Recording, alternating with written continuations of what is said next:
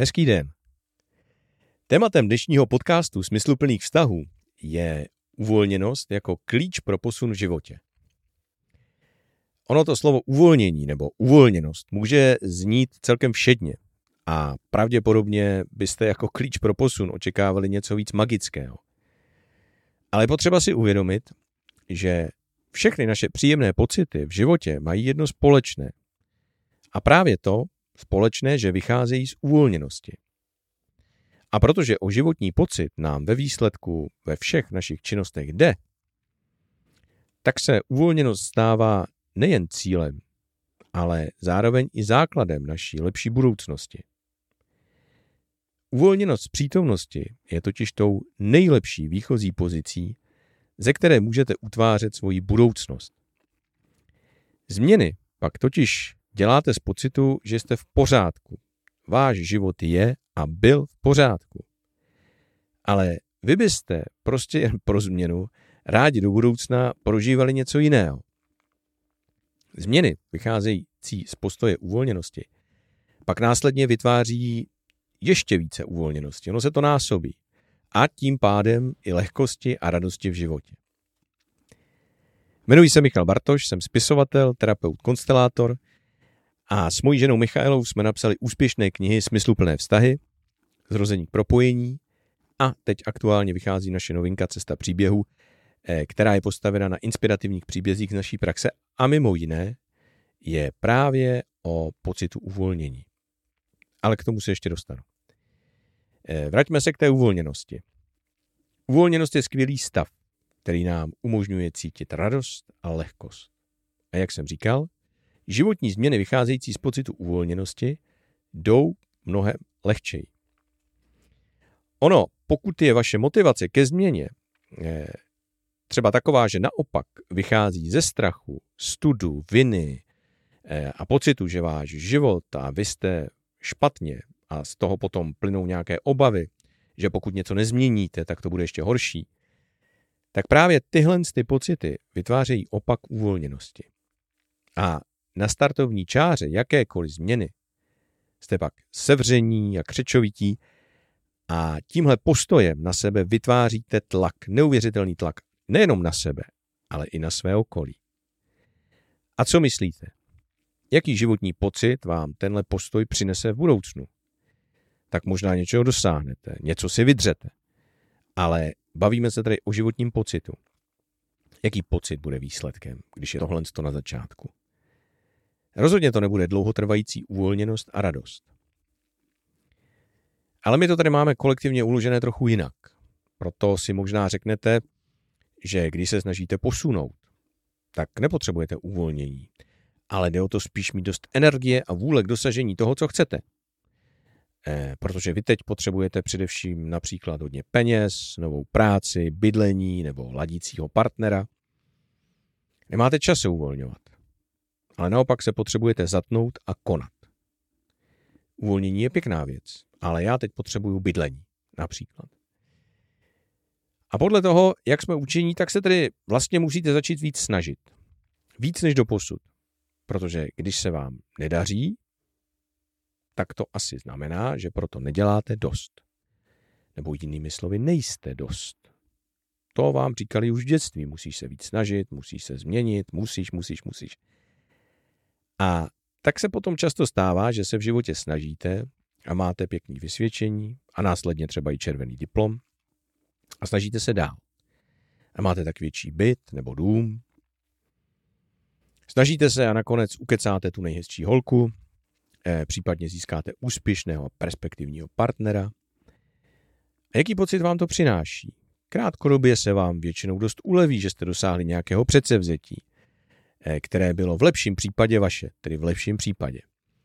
A nebo jste vyhověli přání vašich rodičů a případně potom partnerů nebo někoho jiného, šéfů a tak dále.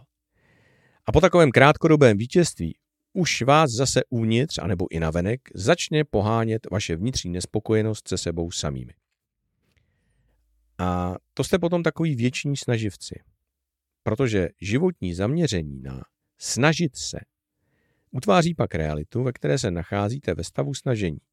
Snažíte se dělat věci správně a úspěšně. Například jdete do nějakého seberozvoje a snaživě opakujete nějaké pozitivní afirmace, eh, případně to, co vám řeknou na pracovním školení. Provádíte spoustu věcí, co se dočtete, že by vám mohlo pomoci. Ale tím na sebe často vytváříte ještě větší tlak. Věříte, že při dosažení jistého cíle v budoucnu se vám potom už uleví. A v téhle naději pak třeba v životě kupujete nějaké produkty, jejíž reklama vám slibuje, že právě to něco vám uleví od strachu, od nemoci, od pocitu méněcenosti a tak dále. Když se na to podíváte, eh, tak eh, všechny dobré reklamy, přiznaně nebo podprahově, prodávají především pocit. Napijte se limonády a bude to zábava. Kupte si auto a budete šťastní, svobodní a zažijete dobrodružství.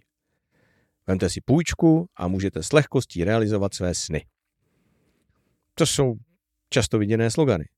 A na tom lze vidět, že pocit je v životě člověka podstatou, o kterou nám jde. A jsme zase u toho. Ano, pocit je jádrem zkušenosti, kterou zde na světě zažíváme. Ve skutečnosti totiž nikomu nejde o konkrétní věci, situace, lidi nebo činy, ale o to, jaký pocit nám ta interakce s nimi nebo s tím něčím dává. I když jedete na dovolenou nebo si koupíte nové auto, tak vám jde především o pocit, který vám tyto situace nebo věci přinesou. Při hledání nového partnera vám ve skutečnosti jde o pocit, který s ním budete žít. Vždy jde o pocit. Ten je tím, o co ve svém životě usilujeme. Ať už jste si toho vědomi nebo ne. Takže když chcete lepší budoucnost, ve skutečnosti nechcete lidi nebo nějakou formu, ale chcete pocit.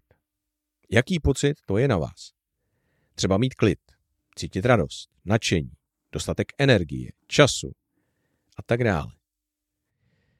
Vědomně si totiž vždycky přejeme nějaký příjemný pocit. Ovšem, všechny příjemné pocity mají jedno společné, jak už jsem říkal, vycházejí z uvolněnosti. A jsme zase u toho, zpátky. U toho, co jsem říkal v úvodu. Uvolněnost se tak stává nejenom cílem, ale zároveň i kořenem vaší lepší budoucnosti. Ano, doslova kořenem. Z té uvolněnosti totiž dobrý pocit vychází. Když jste uvolnění, tak vaše tělo naplno vstřebává energii z prostoru a ta vámi může volně protékat. Díky tomu se cítíte plní energie, chutí do života. Nevnímáte překážky, zábrany. Prostě máte chuť ty věci realizovat. Snažno se, snadno se rozhodnete a jdete do toho. Nejsou tam bloky. Uvolněnost jako stav, ve kterém jde lehce v životě utvářet cokoliv dalšího.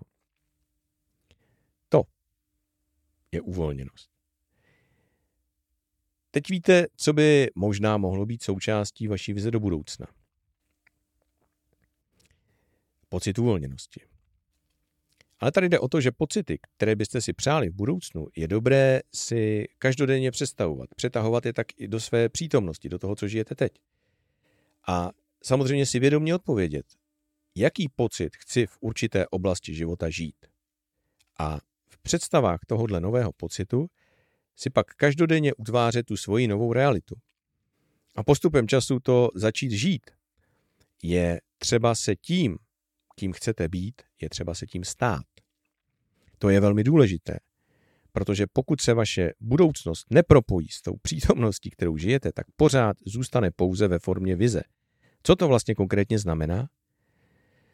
Znamená to, že Jestliže budete v přítomnosti stále žít se stejným pocitem jako včera nebo v minulosti, tak ta nová lepší budoucnost zůstane v nedohlednu. Stane se pouze vaším každoročním předsevzetím.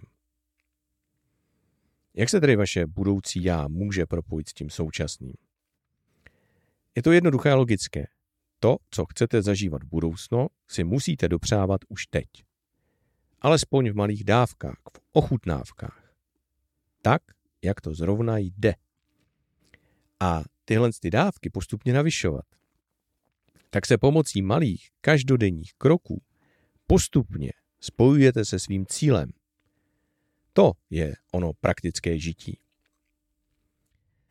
Takže pokud chcete uvolněnost, je dobré ji cítit už teď. Alespoň občas. dopřát si ten pocit. Kdykoliv to jde. Soustředit se na to. To je pak vaše osobní Noémova archa, dáli si to tak říct. Tenhle pocit vás totiž převeze do lepší budoucnosti.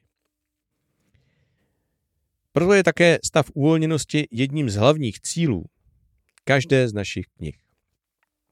Vždy se snažíme, aby čtenář v oblasti, na kterou se v knize zaměřujeme, mohl dosáhnout stavu uvolněnosti. V knize Smysluplné vztahy šlo o téma já. Já můžu. Já můžu chtít pro sebe. Já cítím, cítím sebe hlouběji. Můžu si dovolit, můžu vědět. Ten pocit já. Co je pro mě dobré? Vnímat to, cítit to. Jaká úleva. Téhle naší knihy se mimochodem prodalo více jak 60 tisíc kusů a je dneska už klasikou rozvojové a vztahové literatury. Je o vztahu k sobě, partnerském vztahu, ale i o vztahu k práci.